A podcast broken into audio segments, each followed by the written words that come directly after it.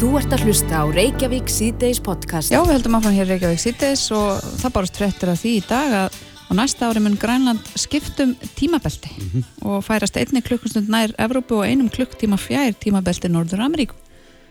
Já. Og maður hefði haldið að er þið akkur dögut. Þeir færi hinn áttina. Já. Ef þeir alltaf eru með sömu pælingar og uh, Íslendingar. Það er að segja að, að sólinn sé í hæstu stöðu mm -hmm. á háti, klukkan 12.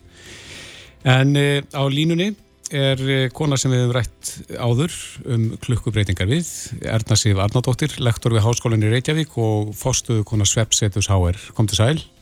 Já, sælveri. Ja, hvernig líst þér á þessar hugmyndir grænlendinga? Því miður ekki vel. Nú? Það er náttúrulega að fara á móti svona lífheilsu. Það er, þetta er sem sagt byggt á viðskiptalegum rökum að vera sem sagt nær Evrópu í tíma Mm. og þetta er ekki byggt á neinu sem við vitum um lífheilsu að það sé betra að fylgja sólarklökunni. En, hvaða áhrif getur þetta haft á líðheilsu grænlendinga?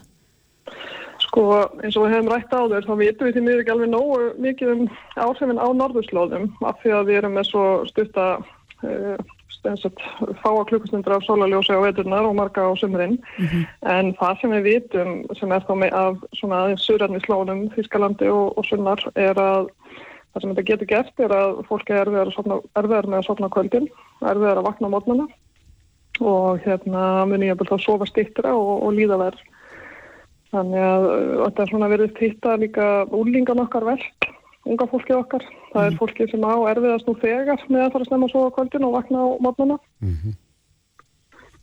Þannig að þá erum við að tala jafnvel en verða einhvernir og, og verða í líðan. Já, akkurat. En uh, við þyrftum að færa okkur nær Amerikutímanum eða ekki ef að, ef að vel ætti að vera, Íslandingar. Jú, einmitt. Ef að við ætlum að uh, fylgja líðheilsunni og eins og segir hafa sólina hægt á lofti á hátegi, ekki, ekki hálf tvö, þá ættum við að færa okkur um klukkutíma í, í hinn áttum. Þannig að þegar við værim að vakna á mótnan klukkan 7 þá væri klukkan ekki 5.30 í Reykjavík, Mm sólarklukkan. En sko þetta hefur komið regla upp í umræðin en núna hefur kannski ekkit mikið velt þessu fyrir okkur svona, já, síðustu nokkur ár. Um, er, erum við alveg að hætta að spá í þessu? Er engin vonum að við munum hugsanlega prófa, taka kannski eitt ár í einhvers konar tilraunaverkefni og breyta klukkunni? Því miður þá var tekinu þessi ákvörðun hjá uh, hérna fórsætsræðanitinu að við myndum ekki færa klukkuna eins og er, svo það væri myndi ekki nægilega mikil, miklar hérna, vísindarlega rannsóknir til að styðja við það hérna á norðlegum slóðum. En það er nú spurning hvað gerist ef að, mann er vonandi að þetta verði rannsaka vel hjá grænleitingunum, að sjá hvort þetta hafi neikvæð áhrif að, að breyta og, og þá verði sé hægt að hérna, færa rauk fyrir því og sjá hvað áhrif þetta hefur í raun og veru. Já, en þegar við tölum við þið síðast erna þá stakst upp á því að vestmanneyinga myndi hugsanlega taka þátt í eitthvað skonar og þú fegst heilmikil viðbröðu það ekki frá eigum eftir þetta spjall. Jú, það, það var nú, þau voru nú í allar áttir, það voru nú einhverju sem fannst þetta alveg algjörlega galin hugmynd, en svo voru aðrir, meðal annars fólk sem býr í Vestmannum, sem að fannst þetta bara mjög áhuga að vera tillega og vittst vera tilbúinir í frekari viðræður. Þannig að það er spurning hvort að, spurning hvort að við hérna skellum okkur í þetta á næsta árum ef að Vestmanningar eru til í þetta með okkur. Gera alvöru vítarannsókn á því að sjá hvaða áhrif hérna rétt klukka hefur á okkur. Myndi þetta vera mikið rask fyrir íbúa vestmanniða? Sko það er spurning, í rauninni, sko ef, ef þetta væri rauninni bara þú ert að fara til Reykjavíkur og frá Reykjavík og auðvitað þegar þú ert að, hérna, eða inn á, hérna, til, hvað maður að segja, hérna, á meginlandið og auðvitað í þá samskiptum við fólk á meginlandinu að þá væri auðvitað með aðra, aðra klukku. Þannig að það væri jú helsta, helsta raskið. En ég myndi nú halda að flestir sem að búa í eigum eru ekki að ferðast dagstæli allavega á milli. En, en það er spurning hvort að vestmenningar séu til í þetta eða ekki. Við erum núna í Ísabildingunni, erum við að búa til í rauninni örfið tól sem við þyrstum til að gera slíka rannsókn í framtíðinni. Við erum að, búin að hérna, búa til app þar sem við erum að skoða hvernig svefn fólks er á daglegum basa og hvernig fólki líður. Við erum með hérna, snjallúr þar sem við getum mælt þá hérna, á svona hlutlösan Já, hlut, hlutlegan hátt, hvernig svefnin er og svo erum við með alvöru svefnmælingar sem fólk getur sett á sig sjálft og svo er með þrjá nætur. Þannig að við getum notað öll þessi tólatæki og hérna vitræn próf til að sjá hvernig, hvernig hérna, heilsa fólks er á daglegum basa yfir heilt ár Já. og hérna, fyrirbreytingu og eftirbreytingu. En getur fólk ekki sjálft eh, bara ákveðið að breyta tímanum hjá, hjá sér það er að segja bara breytt klukkun í símanum og uh, senka klukkunni um klukkustund Já, það er nú, það er nú óskandi að það væri svo auðvelt en ef við hugsun til dæmis um unga fólkið sem að þetta er líklega vest fyrir að það er að fara að mæta bara í skóla á ákveðnum tíma og, og þarf að fara á fætur þó að líkansklukka þeirra sé áskranda á þau að þau þurfu að sofa lengur mm -hmm. og að þau get ekki sopna á kvöldin en, en það er ekki alveg svo einfalt En eins og segir þá er í rauninni allt tilbúið til þess að fara í svona tilhörnuverkefni þannig að þetta ef að er þið sagt já, keirum á þetta þá væri hægt að gera það bara nokkur hatt og örglega. Já, það væri það. Við erum núna alveg á fullu auðvitað í þessu sættilíka verkefni. Við erum með tvö ári viðbútt í, hérna, í þessum stóra styrk þar sem við erum að skoða kæfisvetn og rótur hjá fólki en það er spurninga að vestmenningar eru til í þetta hvort að við reynum að sækjum styrk fyrir þessu sem eitt af næstu verkefnum sem við, hérna, við hjá Háskólunum Reykjavík hværum í. Mm -hmm. En þú sagði að það var kannski ekki búið að rannsaka uh, neitt ítarlega hvernig, hvað áhrif svona breytinga geta haft en Hvað ímyndað þú þér, hvað gæti til dæmis uh, gerst í Vestmanniðum ef þetta er gert? Hvernig áhrif myndi það hafa á, á líðheilsu Vestmanniðinga? Þetta myndi þá, sem sagt, sem sagt, þá kenningin okkar væri að þetta myndi minka svo kallega klukkuþveitu og það er einmitt það að maður vilji, svona, maður, maður þekkir það besta á því um helgar og frítugum að maður vilji fara setna að sofa og hérna vakna setna. Og þetta er jú það sem að flestir gera í jólafríum til dæmis, ekki satt. Það er mhm. alltaf mjög erfitt að snúa allir tilbaka eftir jólafríum og það sem að maður vonar að svona myndi gera það hafi í för með sér er að fólk eigi að auðvildra með að sopna á réttum tíma og vakna á réttum tíma það væri ekki jafn mikið misræmi þá að milli til dæmis frídaga og, og vinnudaga. Og fólki líður þá almennt betur. Þá er aðeins lengri svepp og því líður betur að deginum og hérna, eigir auðvildra með einbetaðir hvort sem það er skóla eða vinnu. Og við veitum, heldur við þekkja hann að flesta einn skinni fyrir að vera vel sofinn og illa sofinn hvað ásett að hefur á alla okkar hilsu það er bara hérst á æðakerfið og hérna skapið og allt saman. Mm -hmm. okkar, allt, allt, í okkar allt í okkar dælega lífi. Einmitt. En varðandi rannsóknina hjá hverjum er boltinn? Hver, hver þarf að gefa grænt?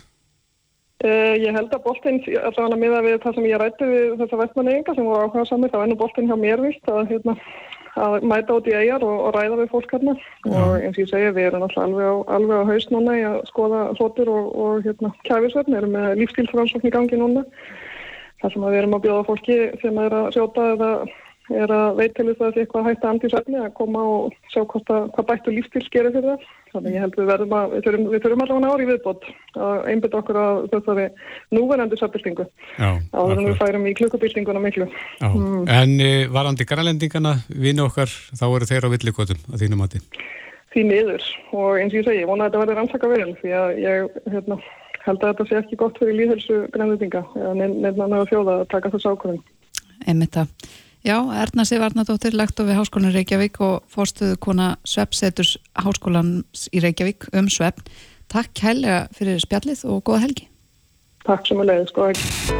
Þú ert að hlusta á Reykjavík C-Days podcast. Yfir í kjara viðraður sem að var slítið, var fer ákvað að slíta viðraðin við samtöku aðtökliðsins og uh, helst ástæðan sem gefin upp eru orð fjármálar á þeirra. Mm -hmm. Og hann er sesturinn í hjá okkur Ragnar Þór Ingólfsson, formaður Vaffer. Velkomin.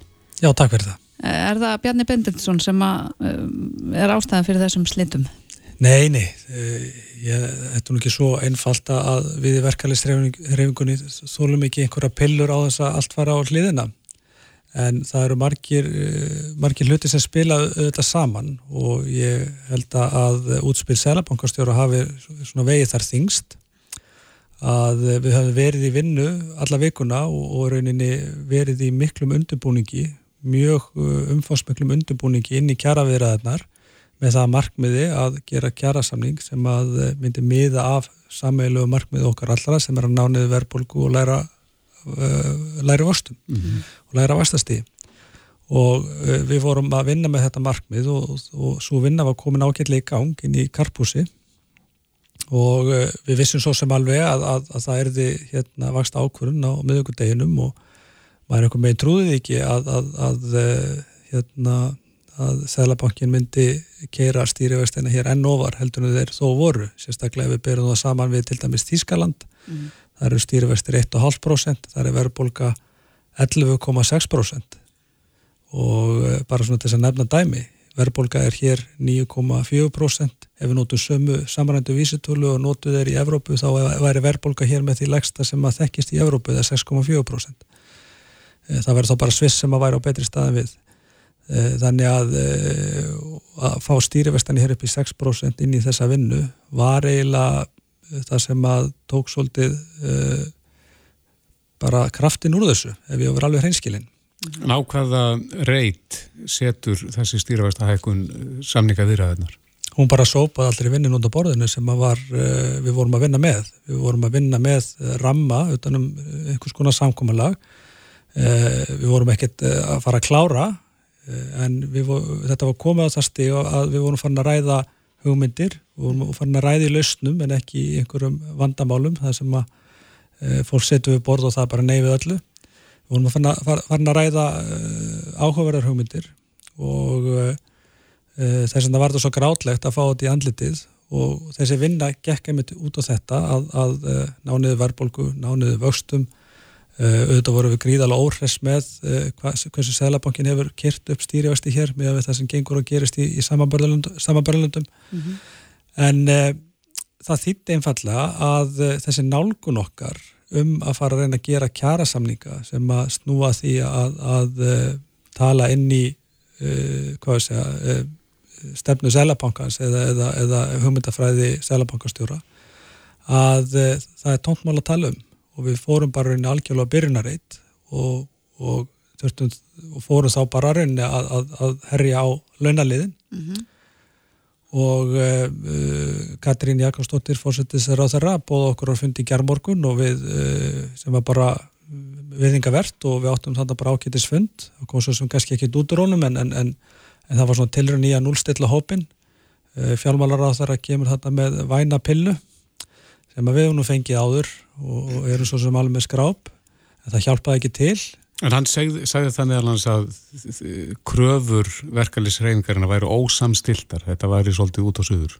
Já, það er, það er, það er í öll, öllum löndum, allstæðar í heiminum eru ólíkir hópar með ólíkar þarfir og ólíkar kröfur. Það er bara, ég menna, það, það er ekki fásin að halda því fram að hér sé að vera bara með eina ríkiskröfu þá þurfum við bara að kalla til Martin Mostal og beða hann um að klára þetta fyrir okkur. Mm.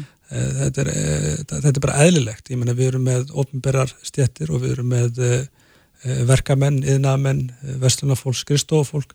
Þetta eru allt ólíka þarfir og ólíka kröfur og svona er þetta bara og okkur hefur gengið vel hinga til. Okkur hefur gengið bara mjög vel. Við kláruðum mjög ólíkir hópar, til dæmis lífskjærasamningi núna 2019 mm -hmm. sem var samningur sem var ætlað að tala inn í langtíma stöðuleika samningunum tókst bara mjög vel en uh, við fengum heldur betur skell uh, í kringum uh, heimsfaraldurinn og síðan þessi stríðsátök í, í Evrópu sem að hafa gert það verkum að meðal annars ásamt mörgum öðrum þáttum eins og til dæmis húsnæðismarkanum sem er í, í algjöru óöfni að við fengi hér óðaverbolgu og, og, og skelvilega stöðu, hér eru vextekonur upp á öllu valdi og, og við stöndum uppi hér með hóp fólks okkar félagsfólk mm -hmm. sem að eh, er með stökkbreytt húsnæðislán sem hafa hækkað um 50, 100, 120.000 var ég að fá dæmum í gær 120.000 á mánuði mm -hmm. ofan í verðlasækkanir uh, mjög miklar verðlasækkanir og það þekkja það allir sem að fara reglulóti í búð að vesli í matinn að hér er orðið ansi dýrta að, að, að fylla í sömu körfuna og það hefur hækkað mikið Þannig að þegar þið hittið Katrin Jakobsdóttir í gerðmorgun var ekki drætt um að stjórnvöld myndi einhvern veginn grýpa inn í það myndi koma eitthvað á móti þessu, þessari stýravakstahækkun? Eh, ekki stýravakstahækkunum, við vorum að ræða bara mögulega, eh, mögulega aðkomu stjórnvalda, það var svo sem ekkert í hendu það var ekkert neitt sérstaklega drætt nema kannski það sem hefur verið, við hefum verið að vinna bara runni á, á, á vettvangi bæði alltíðu sambansins og verkefælisreifingarna sem snýra húsnæðismálum og barnabátakerfinu og húsnæðistunniskerfunum Ég skinni að þarna vilja stjórnvalda eh, meiri vilja heldur en, heldur en síðast. Hvað geta stjórnvald gert til þess að litka fyrir? Ég ætla svo sem kannski ekki að fara nákvæmlega út í, einhver atriði en, en, en uh, sko þetta er bara mjög flókið mál og það þarf margt að koma að vegna þess að, að bara miða við stöðuna hjá fólki, auðvitað, staða fólks misjöfn ef við tökum bara núna sko, uh, það var að koma út greining alþjóðsambansins á gjaldskárarhækkunum sveitafélaga á þjónustu við börn. Mm -hmm. og ef við tökum bara meðal fjölskyldu þar sem að hækkanindar hafa verið hvað mestar þá er það tæmlega 140 krónur ári. 140 krónur ári. Uh, og, og þetta er bara þess, bara þjónusta við börn. Mm -hmm. og, og þetta, þetta eru svakalega tölur og, og þetta er svakalega tökk fyrir heimilisbókaldi ef við tökum síðan verðlasækkanindar, maturverðir ef við tökum húsnæðiskostnaðin hvort sem að segja húsalega eða afborgunar að lánum, við erum líka með uh, risastóra lánastabla hjá fólki sem er í fristingu, vakstafristingu, sem er að renna út núna eftir 12 mánuði og svo næstu 24 mánuði. Þetta er átt í 600 miljardar sem liggja þarna fristir og þegar þetta dettur úr fristingu þá fær fólk bara skell 100, 120.000. Það fyrir náttúrulega eftir hvað þú, hvað þú ert með há lán en þetta getur verið svo háa tölur.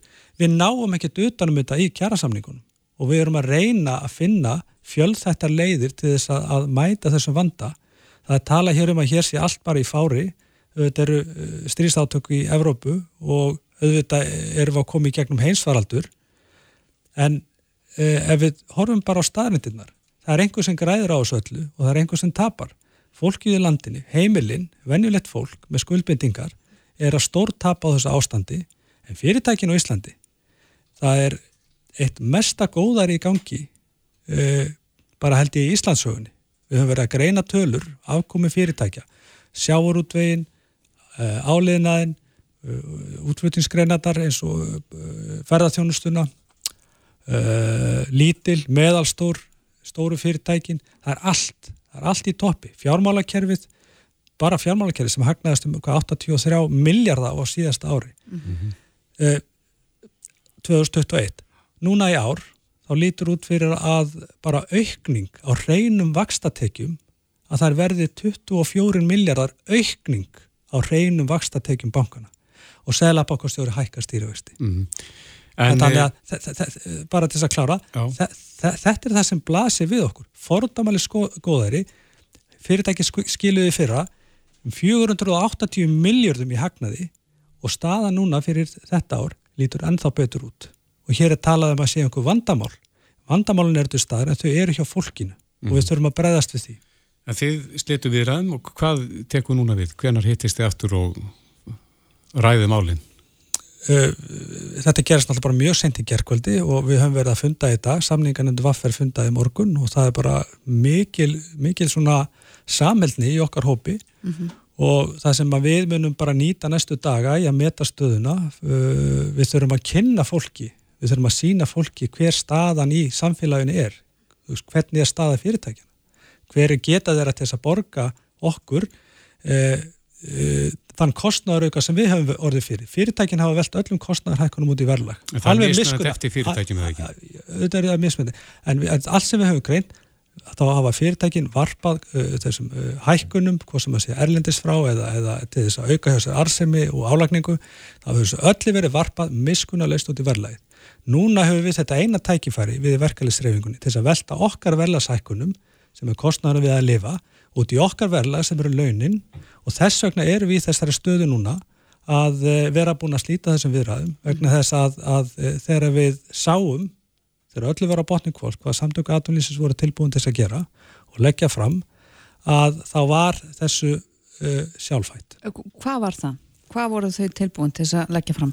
Uh, ég ætla ekki að fara út í krónur öyra, uh, ég gera það kannski á síðari stigum, við erum bara að fara yfir þessu stöðu. Er það, er það langt frá ykkar hugmyndum?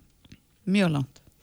Já, við skulum segja það að það hefði líklegast ekki dugað uh, fyrir læstu tekjuhópana að greiða þess, þennan aukna kostna sem ég var að lýsa hérna áðan við, við, við dagveistum badna á þess að fara kannski nánar út í það. En þetta var allavega eins og segið, þetta, þetta dekkaði ekki Eh, lítið brota þenn kostnæðarauka sem, sem að okkar hópar hafa orðið fyrir.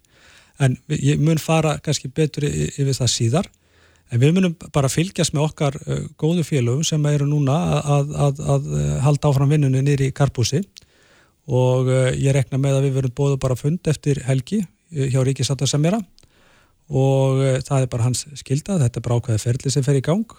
Við erum ekkert hægt við að reyna að semja, mm -hmm. símin er opinn og við býðum bara eftir gallinu frá Sáta Uh, en vonandi verður þetta til þess að, að þrýsta málum áfram. En eins og staðin er núna þá er ekkert að fara að gerast en, en við skulum sjá hvað gerist í næstu viku. En við þurfum núna að einbæta okkur því að upplýsa fólkið okkar og fræða fólkið okkar mm -hmm. hvað er í gangi í þessu þjóðfélagi. Hverjir er að græða, sjáu því bankana eins og við talaðum á uh, uh, hagnaður þeirra. Uh, bara vaksta munur bankana hann er 3% mm -hmm. og við vorum að afnema bankaskatt og vaksta munur bara eikst, byrja hann komið í 3,2% fyrir ég er að fara að villast með tölur þetta, þetta er algjörlega galin staða og svo verða messa yfir okkur, fólkinu sem erum að reyna að gera eitthvað til þess að, að, að, að halda hér einhverjum, ég veit ekki hvað ég á að kalla þetta, stöðuleika eða einhverju svona frasa orðum á meðan allt er í blúsandi botni allstaðar annar staðar og við erum að fara að taka eitthvað stöðuleika kalleg og bera, bera hann á okkar herðum hérna um, um allt samfélag. Mm -hmm. Þetta er bara ekki að fara að gerast, því miður. Ragnar Þór Ingólfsson, formaður Vaffer, kæra það ekki fyrir komin og góða helgi. Takk svo fyrir þess. Þetta er Reykjavík C-Days podcast. Talandum uh, það sem að gerst, gerðist í þessari viku Einn af stóru fréttunum er kannski uh, þetta nýfa árásarmál sem að hefur aðeins tekt úr sér. Já og það var gengið alls konar hótanir á samfélagsmiðlum um hemdar árásir og mm -hmm. eins og sem sé dæmi um eitthvað sem gæti verið það í vikunni og margir eru aukandi verið því að fara ekki á ykkur um helgina. Já og sendir áð Bandaríkjan á Breitlands eins og við sögum hér áðan eh, var að þakna sína við að leggja leysin í miðbæðin eða í það minnst að hafa varan á. Mm -hmm. En hvernig, hvernig gerum við það? Hvernig höfum við varan á? Hingaði komið til okkar Eithor Víðesson, öryggis og löggæslu fræðingur. Velkomin. Já, takk. Er til eitthvað einfalt svar við því? Hvernig höfum við varan á? Já, já, bara að fara valega en hérna við hefum náttúrulega alltaf öll að vera að fara valega en, en um þess, svona, þessa helgi, ég veit ekki, sko, það er kannski nokkur aðrið sem kom upp í hugan, það er náttúrulega Uh, auðvitað er alltaf gott að fara valega mm -hmm. og miðbærin er lifandi og, og, og flæðandi svæði og það er náttúrulega áfengi og ég held að flestir gerir svona greið fyrir því að það er alltaf að hafa bæðu augun opinn þegar maður er inn í miðbærin bara mm -hmm. kortið er um varandi þessa helgi og, og þetta, þetta ástand sem þið eru að tala um og við erum hérna til að tala um þá ég sko, lauraglann er búin að lofa eða leggja út með það að það verði stóraukinn lögjastla í bænum og, mm -hmm. og ég er bara treyst í því sko. Ég, ef ég ætti erend í bæin í kvöldið á morgun þá myndi ég bara klálega að fara. Ég líka bara minna, við ætlum ekki að láta svona stæla vera að ógn okkur og mikið sko. Eða stjórna okkar lífi og mikið Fyr, eða stjórna okkar lífi og mikið. Já nákvæmlega, ég bara ég eiginlega fyrir mitt liti og vonandi kannski bara aðri sem að kannski geta dreyið smá hugur ekki úr því að ég bara læti ekki stjórnum með svona. Ég, ef að mig langar að fara eitthvað ég erind eitthvað og hérna, ég gerir bara mitt besta til að halda mér örugum og mínu fólki sem að ég get bor, borðið ábyrð á mm -hmm. og þá ger ég það og ég, ég veit ekki, ég er rosalega erfitt að spá um þetta hvað, auðvitað vona maður innstinni og bara allan tíman að það kom ekkert upp á Nú, ef að eitthvað kemur upp á, eins og ég segi, þá er lögjastlan, hún verður, virðist alltaf að vera mjög góð. Vantan að búa afturkalla öll leifi og búa, búa sækja fólk til tenir í eða hvað sem það harfa að gera. Að þá, þá er þetta svolítið svona, hvað er það að segja, hegðun, þetta er ekki hegðun, svona, svona atbyrðir. Þeir eru oftast svona innan hópana. Mm -hmm. Ma, maður sér ekki mikið á hérna, fólki sem að þekkist ágætlan hló skipulegur glæparstarfsemi til dæmis eins og í löndum eins og Japan og Bandaríkjunum og það sem eru stór gengi sem eru mjög vel skipulög það er alveg lagt upp úr því að almenningur verði sem fyrir sem minnstu raski í rauninni sko mm -hmm. því þetta er alveg að verða að reyka fyrirtæki þannig og, hérna, og það að, að, að komast upp á kant við, við almenning og fara með það vennilega borgara eins og maður segir það er bara ekki gút business sko. Þannig að ef að menn eru með eitthvað hagsmunna sem að ég veit ekki eins og hverjir eru í þessu tilfelli hérna, hérna heima og þá vil ég alveg örglega ekki raska þeim mikið með því að ráðast á ókunnugt fólk Nei, En leggur þú ekki mikið trúnað á þessi stílabóð þar þess að gildi þeirra sem að örðu kveikjan að þessum óta við helgina? Ég, ég meina orð eru alltaf elsniti á reyði og, og, og fjandskap þannig að það er náttúrulega er auðvilt að segja hluti Eh, það er auðveldara, það verður fyrir auðveldara fyrir marga að skrifa þá. Mm -hmm. Ég náttúrulega er ekki inn á þessum rásum, ég sé ekki hvað er skrifað en það sem, litla sem maður hefur séð ekki um fjölmjöla er bara það er verið að æsa hvern annan upp menn, menn hafa gert þetta lengi, að æsa hvern annan upp og bara böllum í gamla þetta, hvað ert að horfa á konuna mína og eitthvað svona og svo bara þarf að fara lengra með það og það er, að það er svona þetta elsniti nota, það eru orð, orðræðan mm. og hún getur vænt alveg orðið ansi gróf og ég Jú, jú, ég menna, ég, ég held að lauruglan sé, mér finnst lauruglan að vera að halda vel utanum þetta, hún er að upplýsa okkur eins og hún getur.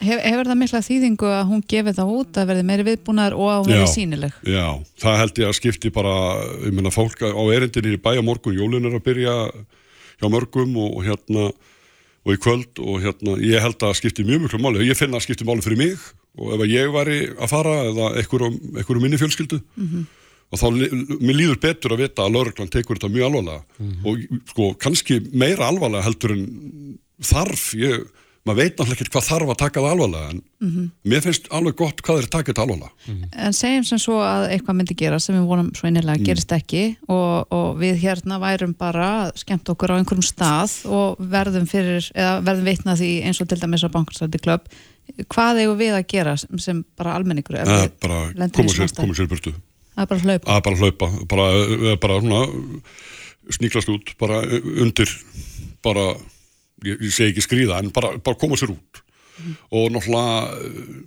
sko maður er alltaf að segja fólki að náttúrulega hugsa, maður á fyrst og fremst að hugsa sjálf á sig, nummer eitt, því maður getur ekki hugsað um aðra þegar maður er óöryggur sjálfur mm -hmm.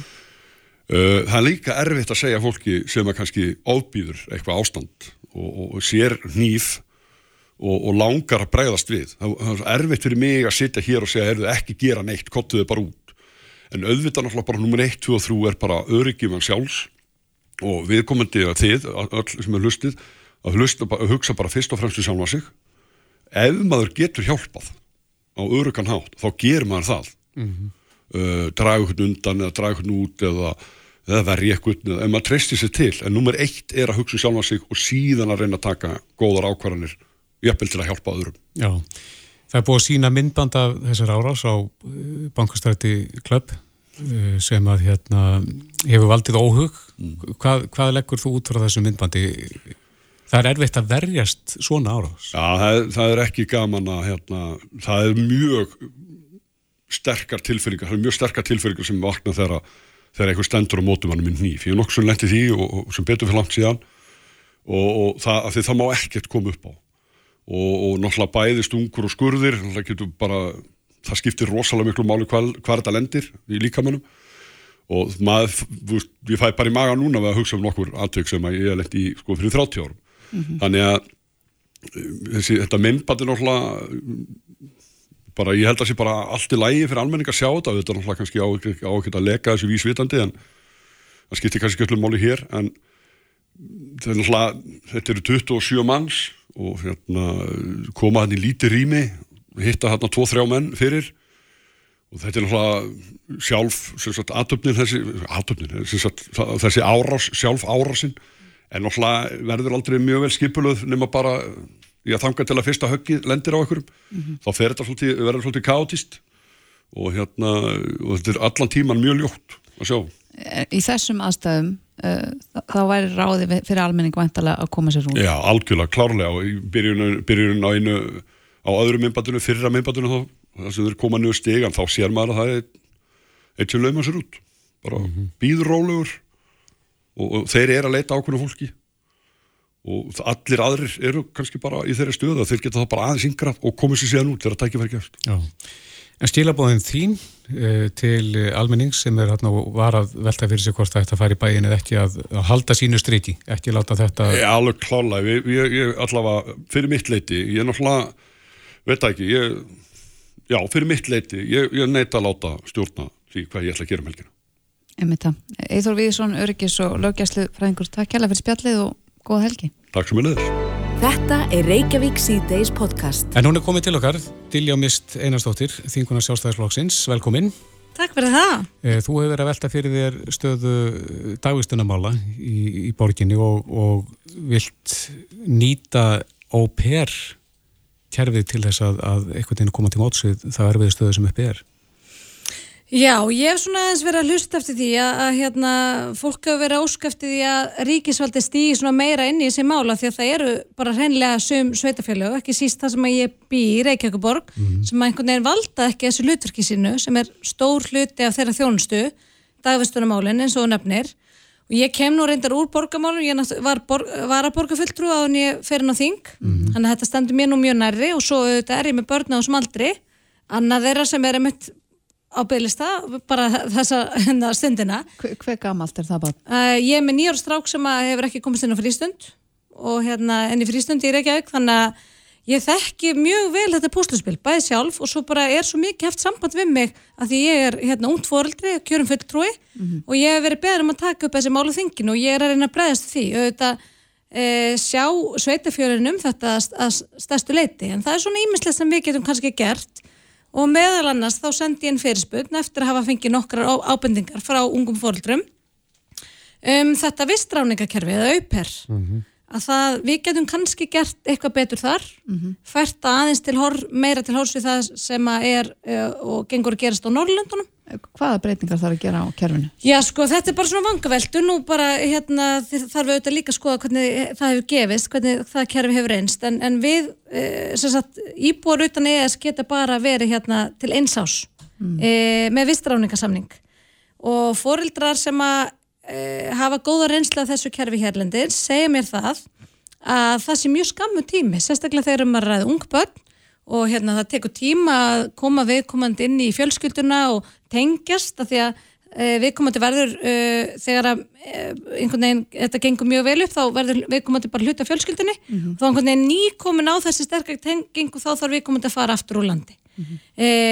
í, í að minnstakosti Nóri og Danmörku þá er þetta sækjum framleggingu til einsásti viðbútar og það held ég bara geti skipt miklu máli mm -hmm. en Eh, ég spurt um það sömulegis og þingi hvort að það sé ekki mikilvægt þá að, að hérna, leggja áherslu á eftirlit, auka eftirlit með þessu kerfi, samlega ef, ef það væri farið í slíka breytingu. Eftirlit með hverju þá? Þá bara með e, þessu fyrirkomulegi, mm -hmm. með að sé ekki vera að misnóta kerfi, eða sé ekki vera að brjóta á réttendum viðkomandi aðeins sem koma hinga til að starfa innan þessa kerfis, mm -hmm. þetta eru auðvitað ungir aðeins, þetta er minni með 18 til 26 ára held ég að sé rammin sem þú starfar innan. Hver, í hvers höndum er því þetta eftirlit?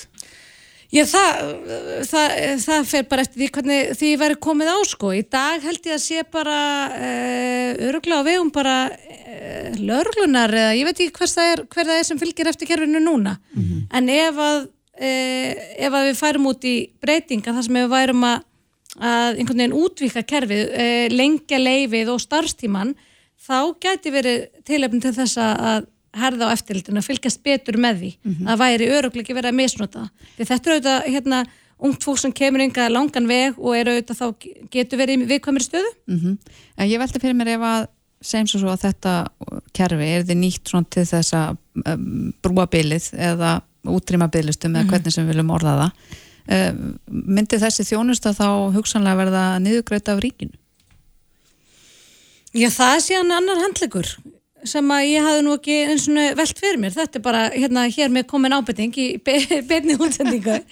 E, við höfum verið að skoða ímestilt til þess að koma til móts við e, fólki þessar stöðu í heimilisaldi meðlans með e, lagt til við þingum sjálfstæðarflóksins að það sé að fá skattafrátrætt út af heimilisastu og þess áttar og, en þetta er nú ekki þannig fjárhæðir að, kannski að það ætti að, að hérna að, að það sé líkilatrið mm -hmm eh, en það sem eru auðvitað staðan eru auðvitað þannig til dæmis er ekki eitthvað borga því ég þekki þar best til að þegar við erum að reyna að brúa beilið eins og ég hef sjálf þurft að gera í tvígangi og tvö börn að þetta er alveg gríðarlega fjárhæðir sem að þú verð í þessu millibills ástandi til þess að reyna að brúa þetta beil eh, bæði með því að sækja eh, dagfórildra þjónustu í leng, mjög langan tíma mm -hmm. eh, engaregna leikskóla og síðan brúa beilið til viðbútar með, með gæslu, með pössun e, leikskólar í Reykjavíkur borg hafa hérna, stitt vistunartíman mjög mikið, e, svona þrengt að vistunar möguleikum þannig að það eru mjög fölmarki fólkdrar sem þurfa að brúa beil bara setnipartin til dæmis með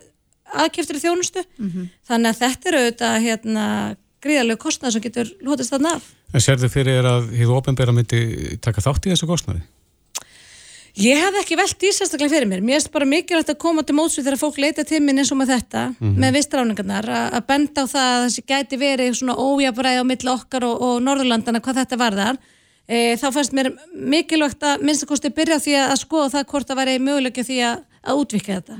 En ég hafði svo sem ekki hert neina umkvartan það, ég hef ekki reynslað þessu kerfi sjálf, ég þekki ekki, e, þekki þess vegna ekki vel hver kostnæðan er eða, eða slíkt. En þetta er því spartnaði vantilega fyrir hérna, sveitafélagi? Já, bara alveg eins og að spartnaði fyrir sveitafélagi að barnið mitt komist ekki inn núna ár eftir ár í frístund. Ég bara hérna, greiði það bara einn massa, það sem ég þarf að retta og mm. svo bara leta fjölskyldumæli mér undir með og annað. Auðvitað þetta spartnaður, að þau eru ekki sinna grunnþjónustu.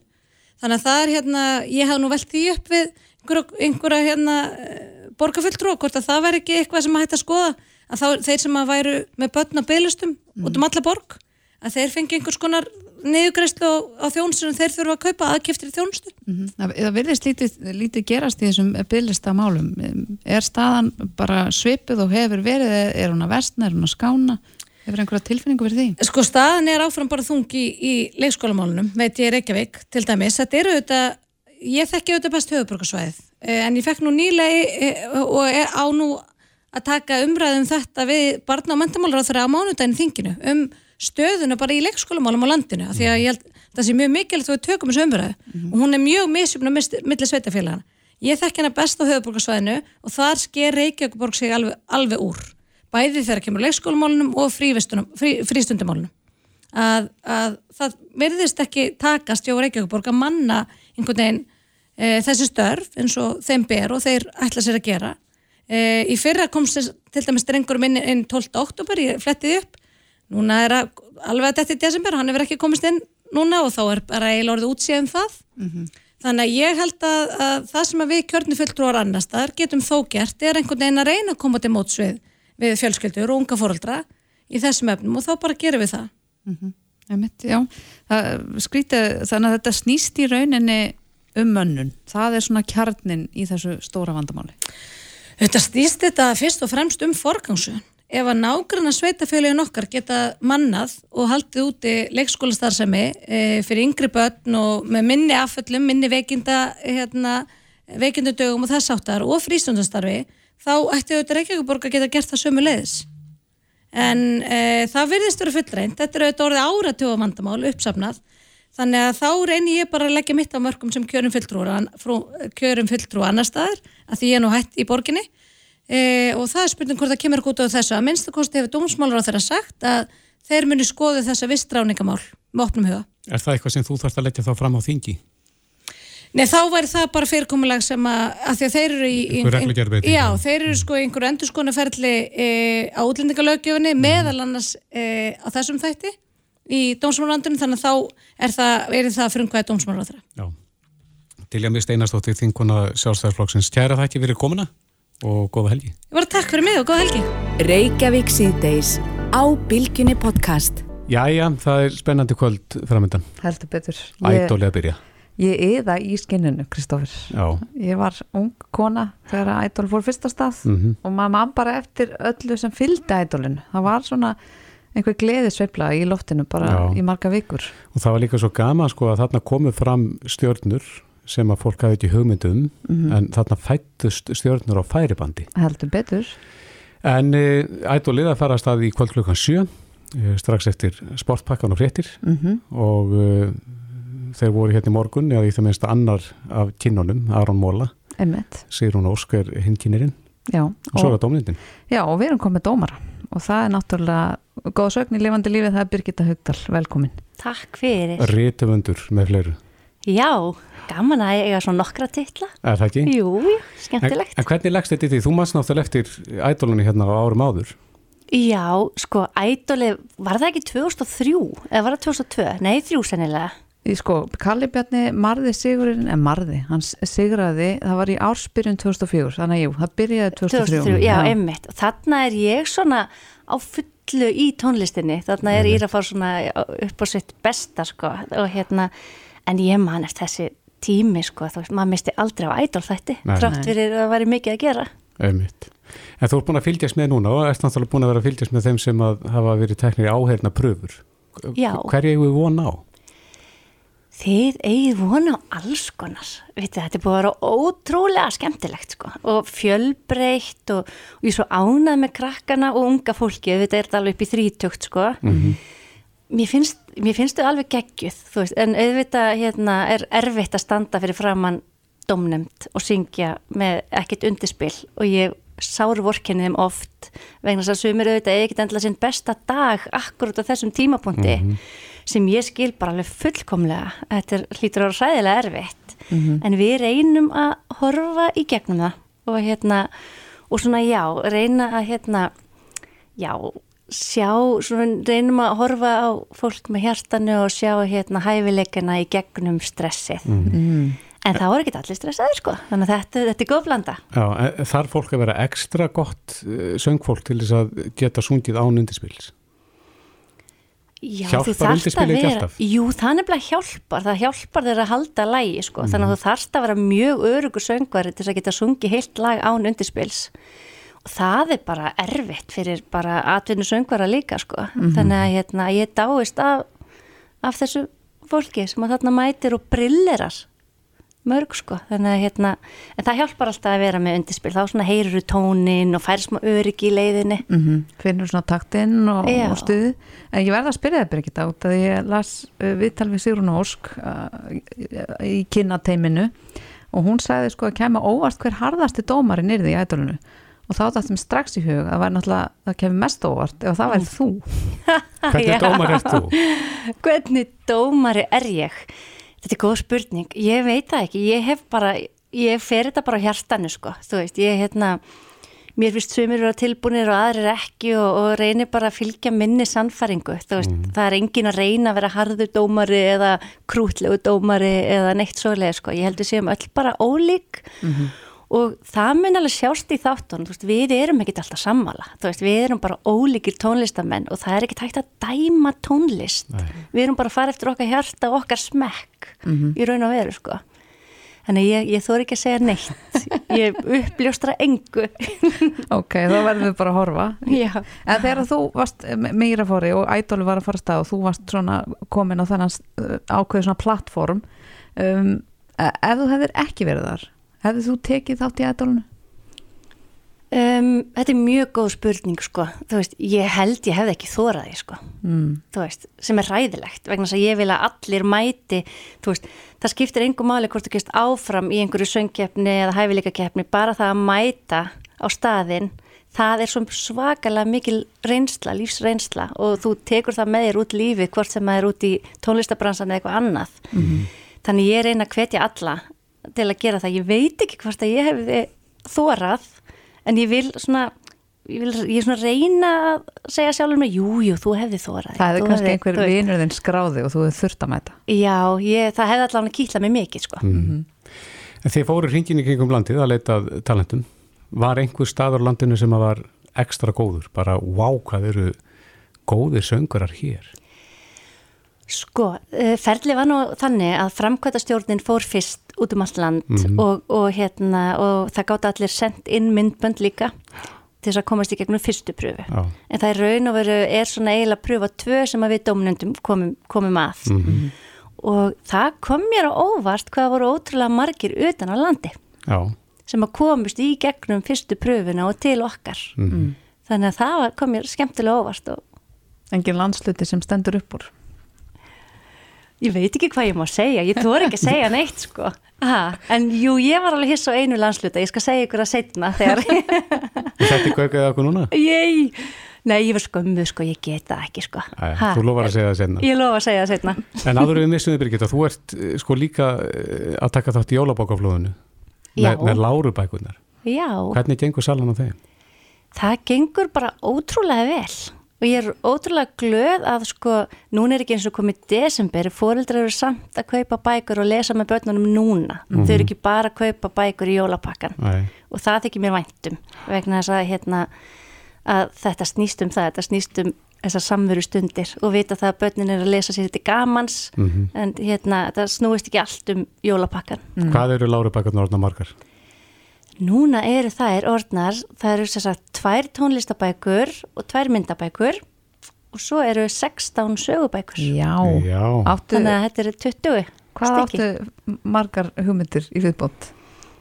Ég, taka, spyr, ég er alveg með nokkra sko en ég, hérna, en ég þór aldrei að fara að stað fyrir en þetta sísón er búið þegar ég er búin að fylgja eftir nú er þú veist hérna, Lára heldur Rekkjavöku og fer í útilegu. Nú er ég og hérna Jólasömbók þegar ég er búin að fylgja þeim eftir þá sest ég niður og aðtöfa hvað kemur til mín. Þannig ég þór aldrei að vinna of mikið fram í tíman því þá er ég svo hrættum að vera ekki sönn Mhm. að ég veit ekki hvað ég við. Nei. að hérna að vera, já að, Fa- getur ekki útskýrta betur. Fáum við fullarna fólk einhvern tíðan Lára giftir sig eða eitthvað svo leiðis?